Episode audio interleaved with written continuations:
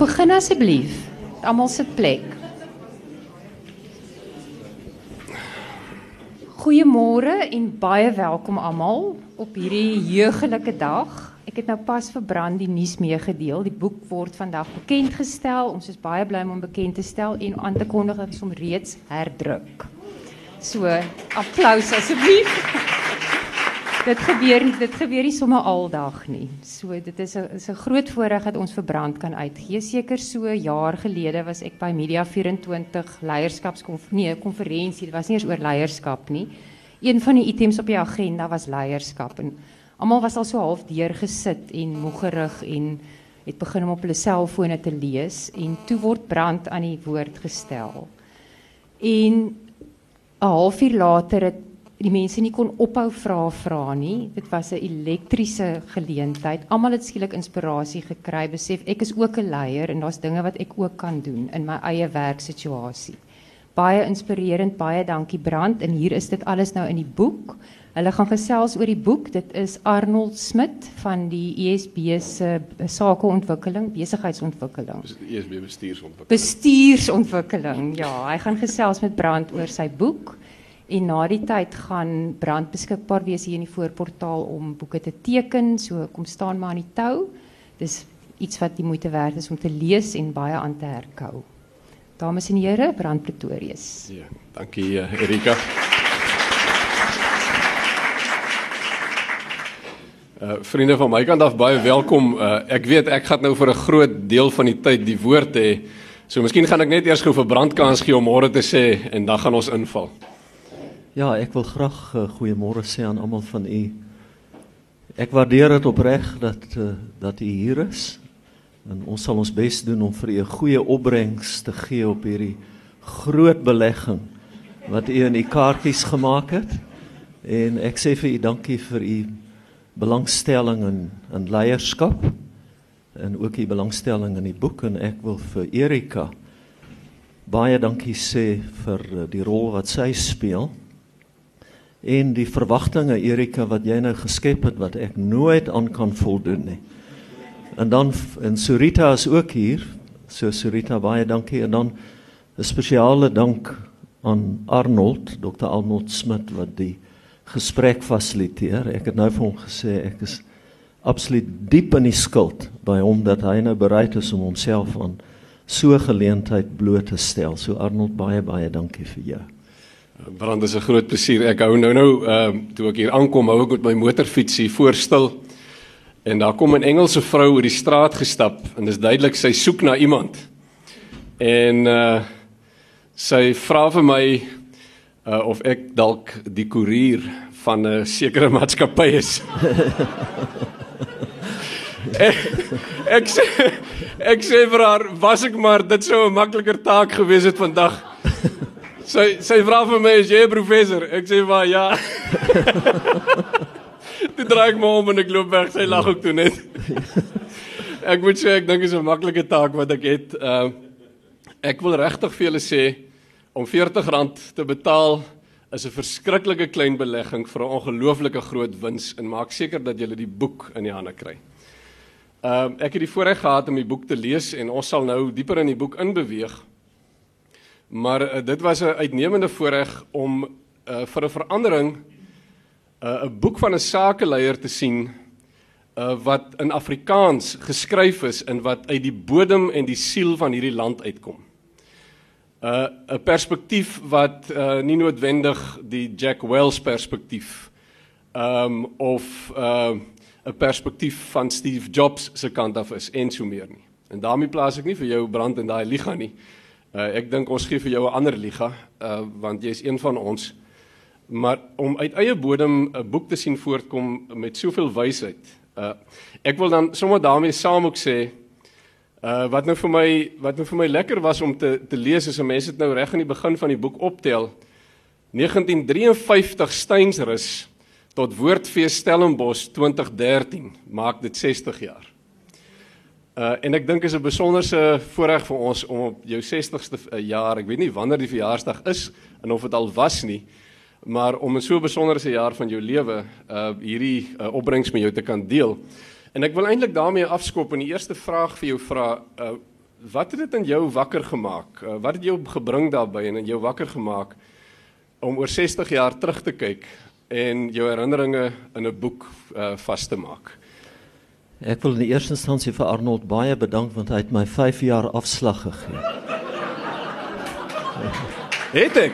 Ja, Nou waar het ek die datum gemis? ek weet nie Maar jy ek- begin aan skryf oor 1953 Steynsrus. jy het die 5 jaar uitgelos. dit dit was maar net gerieflikheidsonthaalwe man. Maar eintlik is ek 65. maar maar dis 'n enorme wins. Ons kry Ja. nou 5 jaar se wysheid meer. So Arnold om uh, om jou vraag te vra. Ek wil net vir die mense daar hier is nog sitplekke hier voor. Dat ons dat ons net vir die ons laaste paar gaste kans kry om of kans gee om rustig te word. Ja, hier's nog hier's hier's drie plekke hier.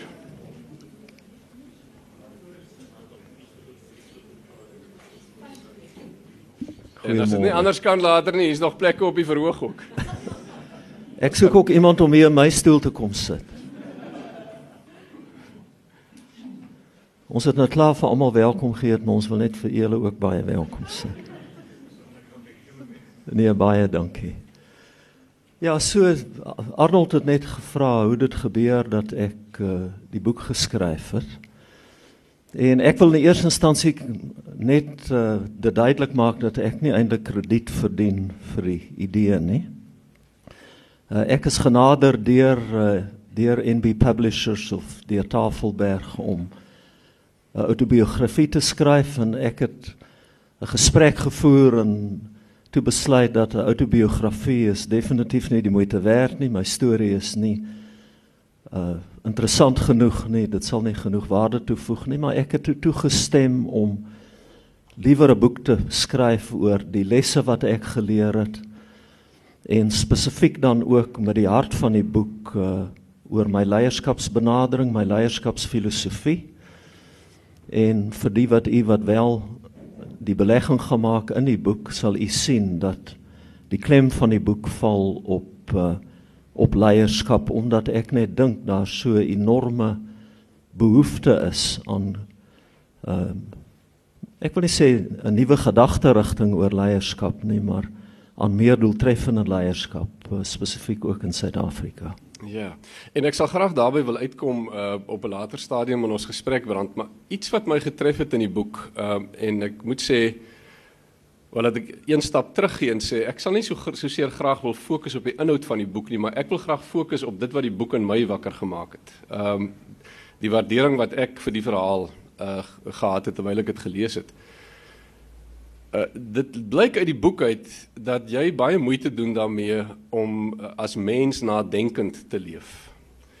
Uh, dit is soos 'n rooi draad wat deur die hele boek weef. Ehm um, waarin ek telkens sien hoe dat jy terugtreë, afstand neem, nadink. Ehm um, asof daar 'n ryk geheue is aan plekke waar jy was, mense met wie jy te doen gehad het, lesse wat jy langs die pad geleer het, ehm um, van vername en van geringe mense. En in 'n sekere sin, jy weet, wil ek graag weet, hoe leef 'n mens so? Uh, hoe leef jy so nadenkend? Hoe leef jy so in voeling met alles om jou en die mense om jou sodat jy op 'n punt kom waar jy op hierdie manier daaroor kan reflekteer en skryf? Hmm, ek dink ek het 'n hoë mate van soort van ingebore sensitiwiteit. En ek het vroeg in my loopbaan het ek besef dames en here dat dat leierskap gaan in wese oor die beïnvloeding van mense. Dit gaan nie oor gesag of mag of posisie nie. En derhalwe was ek nog altyd en ek moet in 'n baie groot mate vir my ma die eer gee ingestel op die gevoelens van van mense. Uh wat in hulle harte omgaan. Wat mense inspireer want dit is die ander primêre taak van leierskap is om mense te inspireer en 'n mens kan dit nie doen deur net op die rasionele vlak uh kontak te maak met mense nie. 'n Mens moet ook deurdring na hulle harte. So ek dink dit is 'n Dit is 'n dissipline wat ek oor die jare aangeleer het en wat ook inpas by my persoonlikheid dat ek sensitief is vir die gevoelens van mense. Ek het sekerlik in die sakewêreld nog altyd my afhanklikheid van die poging en energie en intelligensie van ander mense erken. En uh, derhalwe het ek in 'n gewoonte gekom om om nie op 'n op 'n outomatiese manier net leiding te gee nie, maar om op 'n bewustelike manier my leierskapstaak aan te pak, te probeer luister, waar te neem, sensitief te wees vir uh, vir gevoelens en natuurlik die die voordeel wat voortspruit uit refleksie. Om terug te kyk, terug te dink, 'n mens te forceer om eerlik te wees ten opsigte van foute ook gemaak. En uh, dit is dit dit dit het dit het my baie gehelp en dit is maar 'n 'n proses waarmee 'n mens lewenslank besig is om in voeling te bly met die gevoelens van mense met hulle aspirasies en natuurlik regtig waar vir mense om te gee want dit is die die groot motief ek dink 'n primêre taak van leierskap is om seker te maak dat die mense vir wie 'n mens lei dat hulle belange vooropgestel word dat hulle as mense groei dat hulle voordeel daaruit trek ook in terme van die ontwikkeling van hulle eie potensiaal. Maar nadat ek dit alles gesê het Arnold wil ek erken dat weens hoë operasionele druk wat 'n mens voortdurend in die sakewêreld ondervind, stomp 'n mens baie keer af. Verloor jy die sensitiwiteit en so uh, ek ek het ek het myself telke male uitgevang dat dat ek nie sensitief genoeg was nie, dat ek nie genoeg die wysheid van terugblik ingespan het om uh, om my rigting vorentoe beter te maak nie. Ja. So dit is waaruit dit voortspruit dat my daardie spesifieke deel van my benadering. Ja.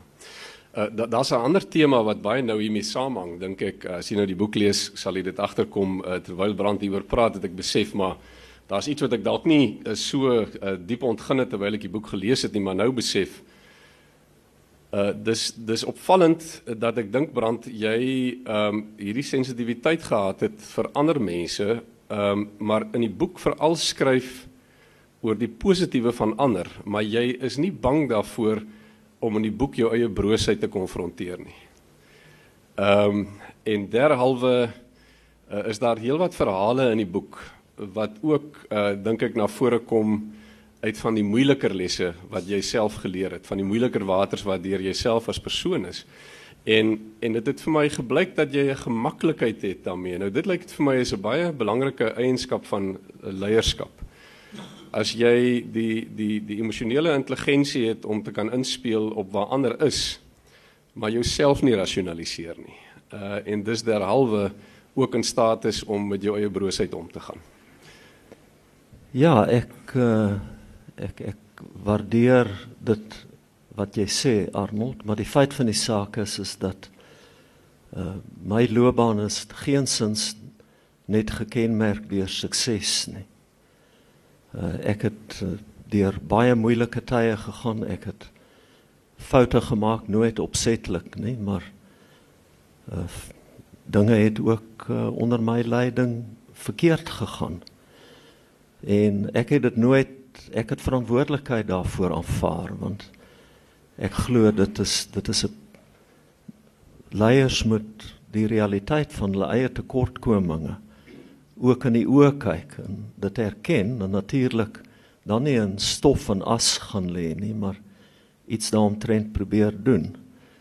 So uh, ek kan in alle eerlikheid sê dat ek meer geleer het uit die donker dae, meer geleer het uit die stormagtige periodes in my loopbaan meer selfontdekking gedoen het meer bewus geraak het Arnold van my eie broosheid meer bewus geraak het van my afhanklikheid van my geloof meer bewus geraak het van my afhanklikheid van van ander mense. So uh ek het baie baie vroeg in my loopbaan tot die besef gekom dat en ek beperk dit maar net tot die wêreld van van sake doen dat dit 'n 'n komplekse wêreld is, 'n vinnig veranderende wêreld, 'n onvoorspelbare wêreld en en ek het besef dat ek is nie 'n volledige leier nie.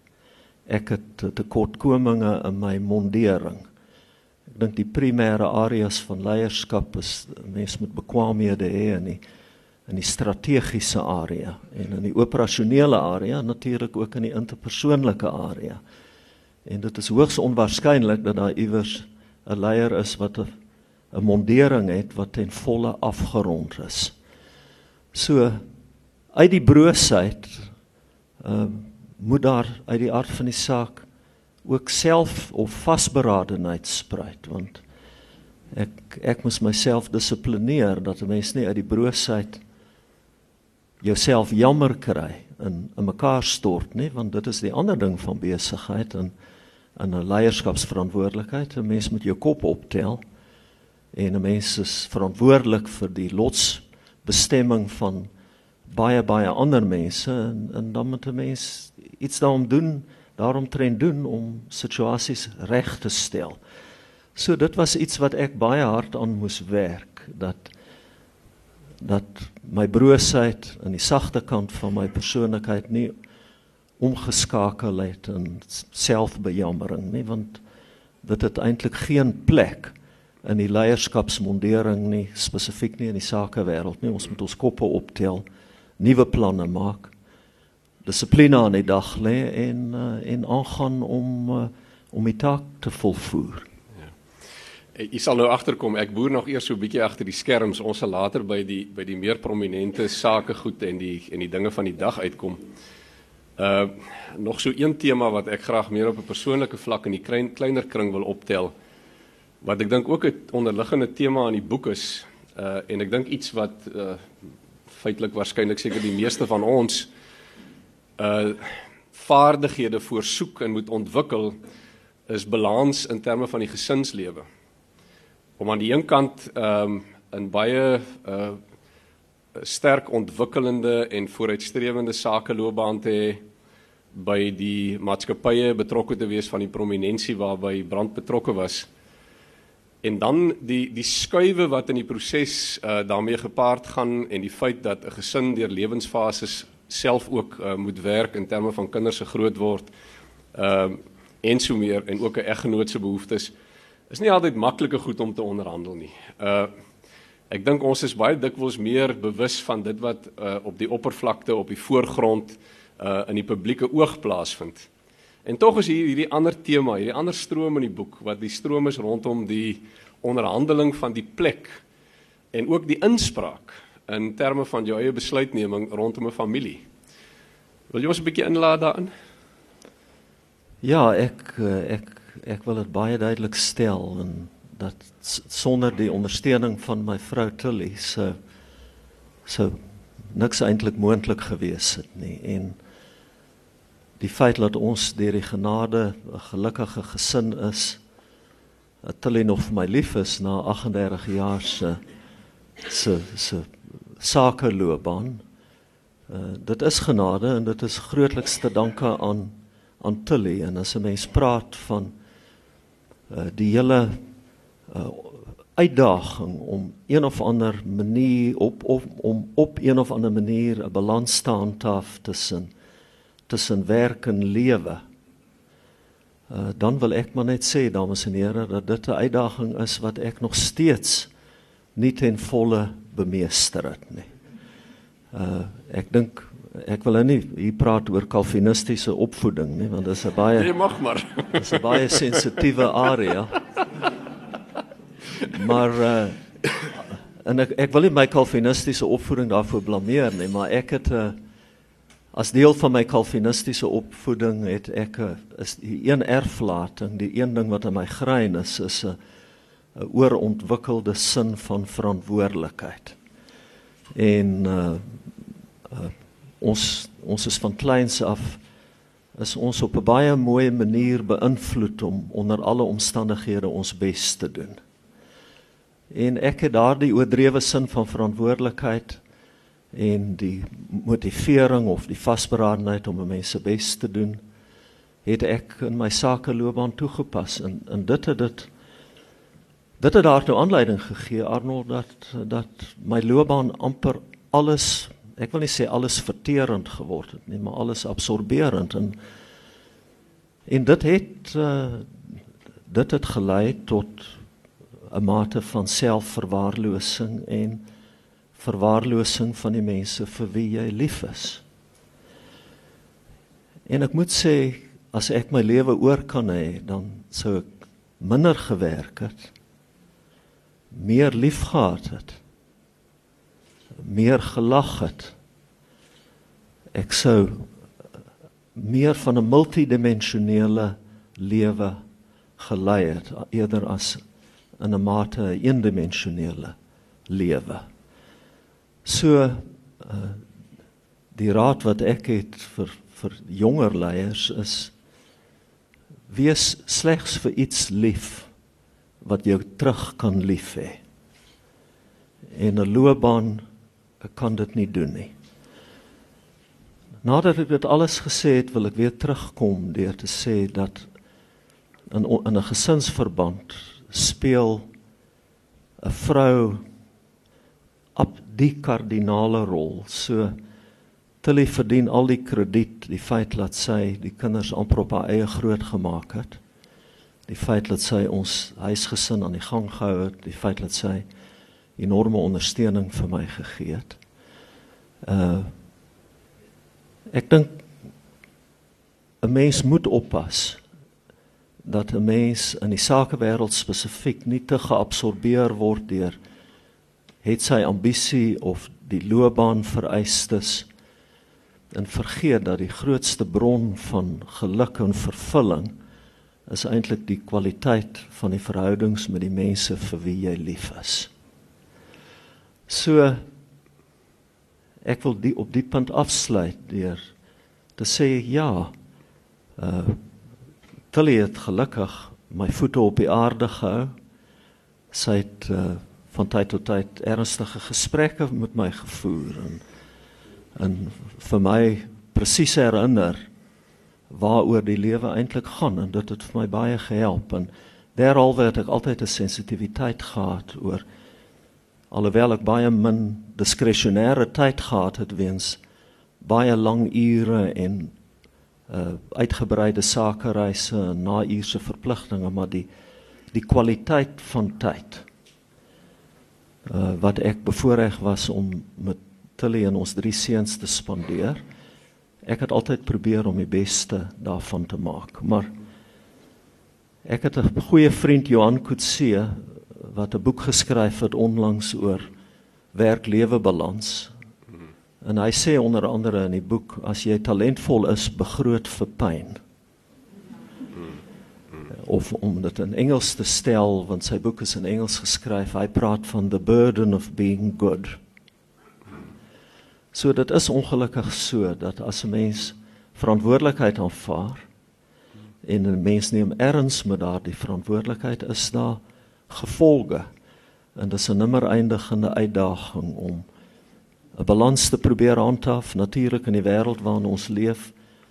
Spesifiek die wêreld van werk is dit deesdae onmoontlik om om jou wêreld van werk en jou wêreld van lewe in waterdigte kompartemente af te sonder.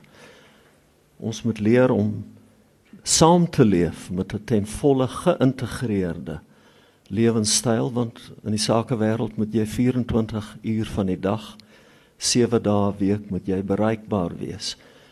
En die laaste opmerking wat ek wil maak en daarom is dit 'n 'n wilsbesluit om te sê waaroor gaan die lewe en 'n mens moet voortdurend werk daaraan om jou prioriteite reg te hou. Ek het nou behoefte om vir jou van vanuit uh, ons as gehoor te sê dat jy moet uh, vir Tilly en vir jou kinders dankie sê. Uh dat dat ons die voorreg het van die nalatenskap van hierdie boek.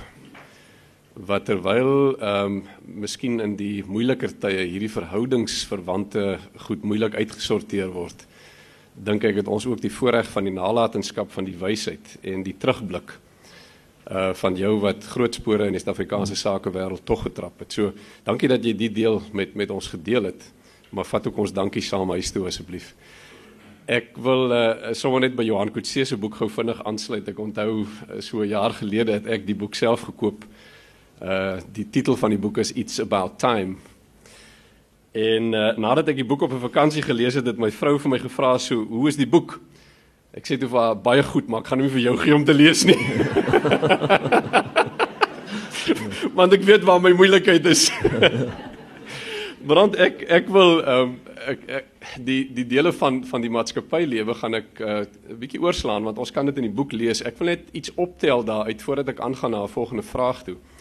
Uh wat baie duidelik is ehm um, vriende uit die boek uit as 'n mens die boek lees is dat daar uh, by Brand 'n baie groot fokus was om wat ook al die omstandighede was, autentiek te bly onder alle uh, omstandighede. Met ander woorde, uh om regdeur homself te bly en die keuses wat hy gemaak het aan die een kant om sensitief te wees vir mense en hulle behoeftes, maar aan die ander kant om 'n baie groot premie te plaas op diensbaarheid, professionaliteit, billikheid en en uh kwalitatief goeie aflewering.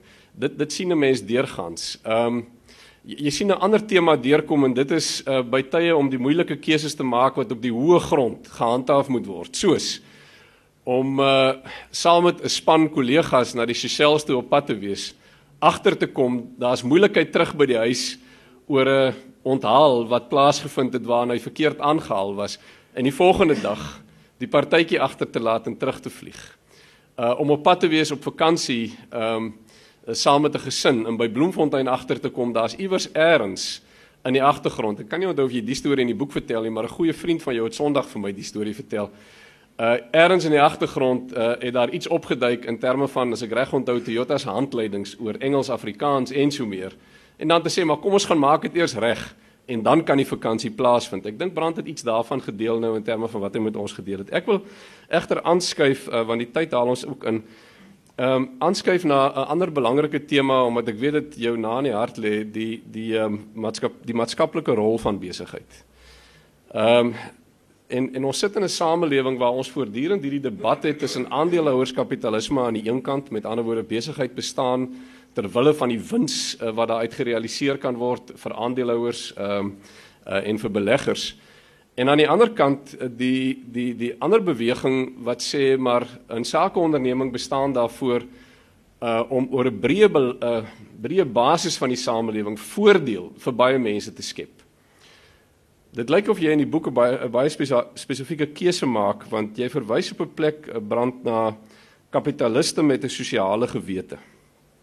Uh daar's ook baie voorbeelde in jou verhaal waar jy hierdie sosiale gewete baie spesifiek uitgeleef het. En uh, rondom die sosiale gewete verwys ek nie net na dit wat buite die maatskappy en die gemeenskap gebeur het nie, maar ook binne in die maatskappy ten opsigte van werknemers.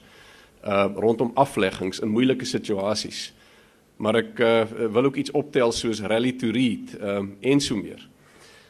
Hoe neem jy uh, vanuit uh die debat wat daar in die samelewing is rondom hierdie twee denkstrome. Hoe neem jy 'n raad en 'n uitvoerende span en personeel saam om in 'n ander rigting te kyk as hoe optimale opbrengs vir beleggers en vir aandeelhouers?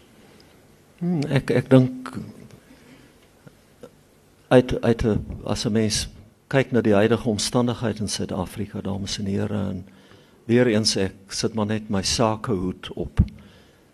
Dan is dit baie duidelik vir my as 'n mens spesifiek verwys na wat onlangs met van die mynmaatskappye gebeur het wat in die landbousektor gebeur het dat dat as ons besighede in Suid-Afrika wil bedryf op 'n volhoubare suksesvolle manier dan kan ons nie bekostig om selfsugtig te wees om agter die mure van ons eie besighede weg te kruip nie.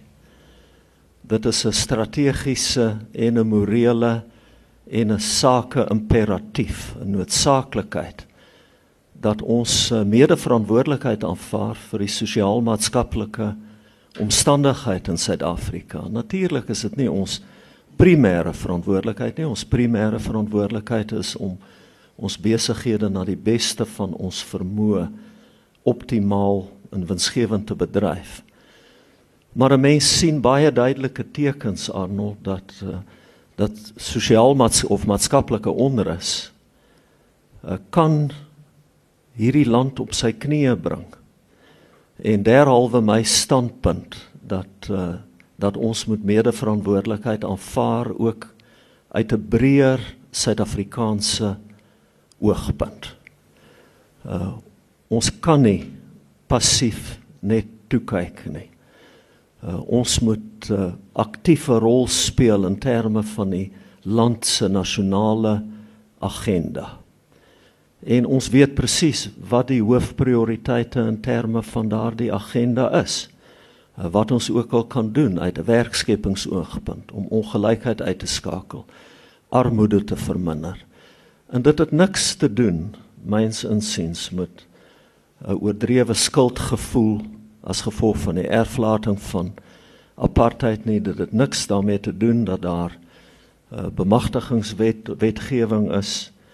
Uh, ons moet dit doen omdat dit die regte ding is uh, om te doen. En jy vra hoe neem 'n mens 'n raad saam met jou?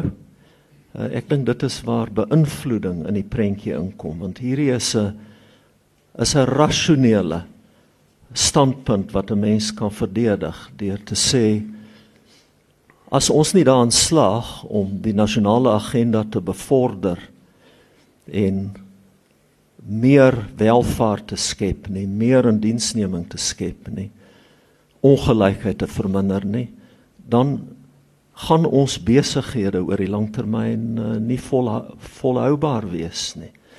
So die hele impak van maatskaplike onrus op op sake doen in Suid-Afrika is 'n is 'n absolute realiteit en 'n mens sien dit nou maar met van die mynmaatskappye. Hulle oë het oop gegaan. Uh hulle het geen keuse nou as om wel betrokke te raak in in 'n groter mate in maatskaplike opheffing nie. Want dit is waar hulle werkers in die aande na toe teruggaan na in sekere omstandighede haglike omstandighede en ek sê weer dis nie die sake sake sektor se primêre verantwoordelikheid nie maar dit is wel 'n gedeelde verantwoordelikheid. Dankie eh, brandvriende ek het nou nog so 'n vraag of twee in my mou maar ek vermoed dat daar van julle mag sit hier wat brand met 'n vraag wat julle graag uh aan brand wil stel. So kom ons maak dit eers oop. Ek het so een of twee vrae waarmee ek graag later sal wil afsluit en ons het nog so 10 minute beskikbaar. Is daar iemand wat uh op hierdie stadium uh, graag by die gesprek wil deelneem? Solank dit net nie 'n ingewikkelde vraag ja, is. Ja, Rita asseblief. Ja, ek dink dit is in orde of sal ons uh, hierdie mikrofoon voorgebruik? Miskien kan ons maar net aan. Wil minder van 'n vraag vra as om 'n om 'n kommentaar te lewer asseblief hom. Ja. Ehm um, ek wil vir u sê dat u leierskapstyl is vir my ongelooflik inspirerend vanuit die perspektief van 'n vrou. Omdat ek soveel as ek dit mag sê, invloed van u ma en van Tilly raak sien. En wat vir my dan koppel aan aan aan amper vroulike leierseienskappe van omgee van liefde, van sensitiwiteit, al die goed wat u opgenoem het. En dan kan ek nou nie anders as om dit te hak aan die gender issues waarmee ons so sukkel in hierdie land van ons. En in die konteks van al die vreeslikhede wat ons so bewus van geword het in die laaste tyd. Wat ek dan nou weer koppel aan mansmense wat in ons beloved country 'n geweldige identiteitskrisis gaan en en dat ons inspirerende mansleiers ook nodig het om om so rolmodel te stel om te sê om sensitief en liefdevol en omgee te demonstreer as 'n leier beteken nie jy's 'n sussie nie. Beteken nie jy moet jou vrou domineer. Jy moet soort van vergewe my die kalvinistiese wit man wees nie ek ek admireer dit wil so graag hê dat dit so suurdeeg deur die jong leierskap van van mansmense en vroumense trek. So ek ek sê hierdie hele ou kommentaar eintlik om te sê dankie Tilly, dankie mevrou Pretoria se mamma en baie dankie aan u vir hierdie wonderlike inspirasie. Nee. Nee.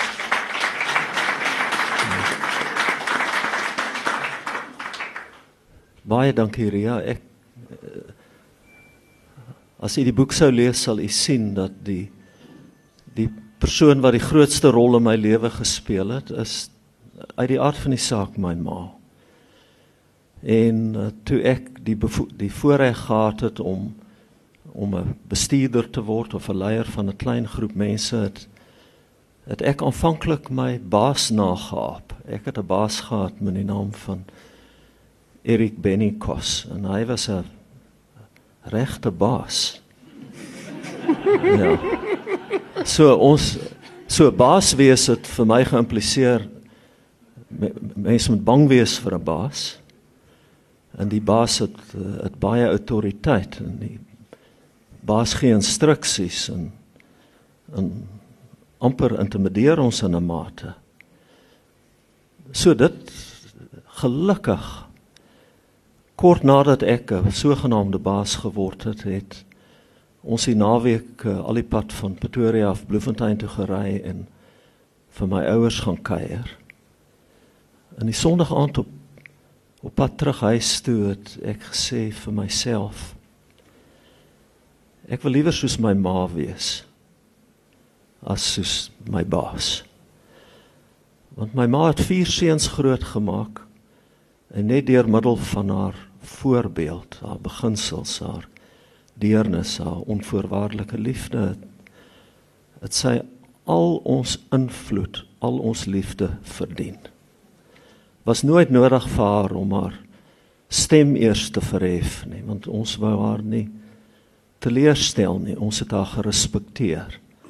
Ons het haar vertrou. Ons het haar bewonder en ons was lief vir haar. En hoekom kan dit nie in die sakewêreld ook werk nie? Want ons moet resultate bereik deur ons mense. En ek wil by jou aansluit Ria om vir mense om te gee. Is nie 'n maklike pad Dis 'n moeilike pad. Die maklike pad in die wêreld van besigheid is net om 'n autokratiese baas te wees en transaksioneel teenoor jou mense op te tree en hulle te intimideer want jy sit met jy kan aan die einde van die maand net sê as ek weet dis moeiliker dis, da. Vat jy goed en trap. So dienende leierskap word nie deur swakkelinge bedryf nie. Dit word bedryf deur mense wat glo dat die weg na beter resultate is om om te gee, om te respekteer, om billik te behandel. Maar dis nie die pad van die swakkeling nie, dis die pad van die leier wat die moed van sy oortuiging het dat ja, invloed kan nie geëis word nie. Invloed moet verdien word. Ons kan, dis tyd vir een vraag nog. Gerus, ja, gaan voort.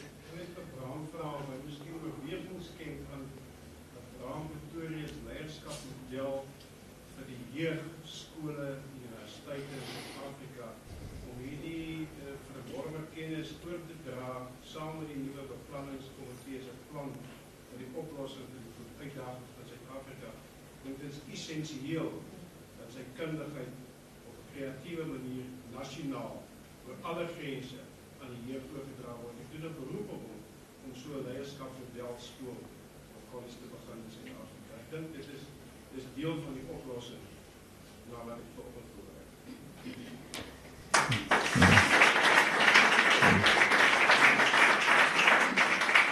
Brand die mense wil jou nie sien aftree nie. nee, ek sê dankie vir die opmerking en ek uit die hart van die saak dat ek my nog nooit in in so 'n rol in 'n nasionale verband gesien nie. Maar wat ek wel met oortuiging kan sê is as deel van my filosofie om terug te gee. spandeer ek 'n baie groot persentasie van my tyd met mentor vir die met die mentorskap van van opkomende jong uh, sake leiers. Ek spandeer baie tyd uh, in Arnold sal weet by universiteite en uh, sake skole om te probeer teruggee.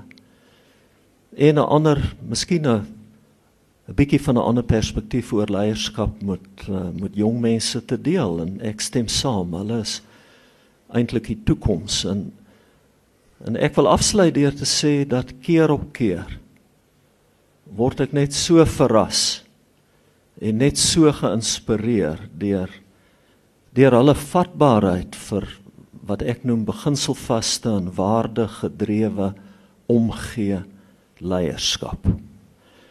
Want hulle sien dat uh, dat van die, die modelle wat uh, wat wat leiers in Suid-Afrika en internasionaal gebruik, party van die modelle werk net nie meer nie. Is uitgedien. En hulle soek na alternatiewe.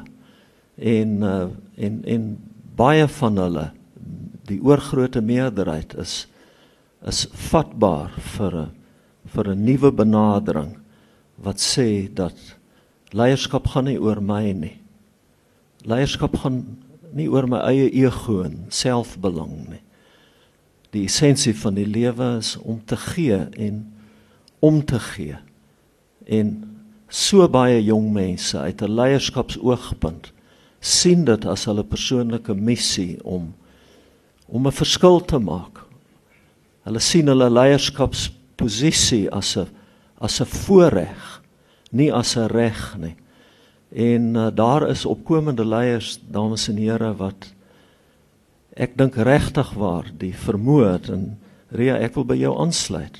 Vrou, vroulike leiers veral wat nog 'n baie baie baie groot verskil in in hierdie land gaan maak. Baie dankie. Ons het by die einde gekom van daar's baie daar's nou tyd dink ek uh, nog om met brand te verkeer en boeke te kry en handtekeninge te kry en so meer. So ons is gevra om nie langer as 40 minute met die onderhoud self besig te wees nie. So ek is baie jammer uh, dat ons nie nog kans vir nog vrae het nie. Uh, brand ek het net wel een laaste vraag. Jou verhaal begin met jou bewondering vir Renaults. Wat is jou gunsteling motor? Ja. Dis nou 'n stryk vraag want uh, hier's van my ou vriende in die gehoor wat wat al die jare 'n pad saam met my geloop het by Toyota en ek het net soveel waardering in my hart vir wat Toyota en spesifiek Toyota se mense vir my beteken het dat dat ek dit baie duidelik wil stel dat ek dan nog steeds Toyota in my bloed het. daarmee daarmee het hy nou nie heeltemal gesê waarmee hy ry nie, maar ons sal hom ons sal hom dit vergewe. Uh vriende, net om dan mee af te sluit. Hy is 65, hy lyk 60. Ons hoop hy het nog baie energie en uh, Brand, dankie dat jy die tyd saam met ons gedeel het en ons opregte seënwense uh vir jou toekoms. Ehm um, en daarmee saam ook ons hoop dat ons nog vir baie lank sal kan tap ehm um, uit jou wysheid en besmoontlik 'n betrokkenheid wat in die op die pad wat voor lê nie net 'n betrokkenheid gaan wees wat ons sal herinner aan sake leierskap nie maar aan die staatsmanskap van 'n sakeleier. Baie dankie. Ja, baie dankie.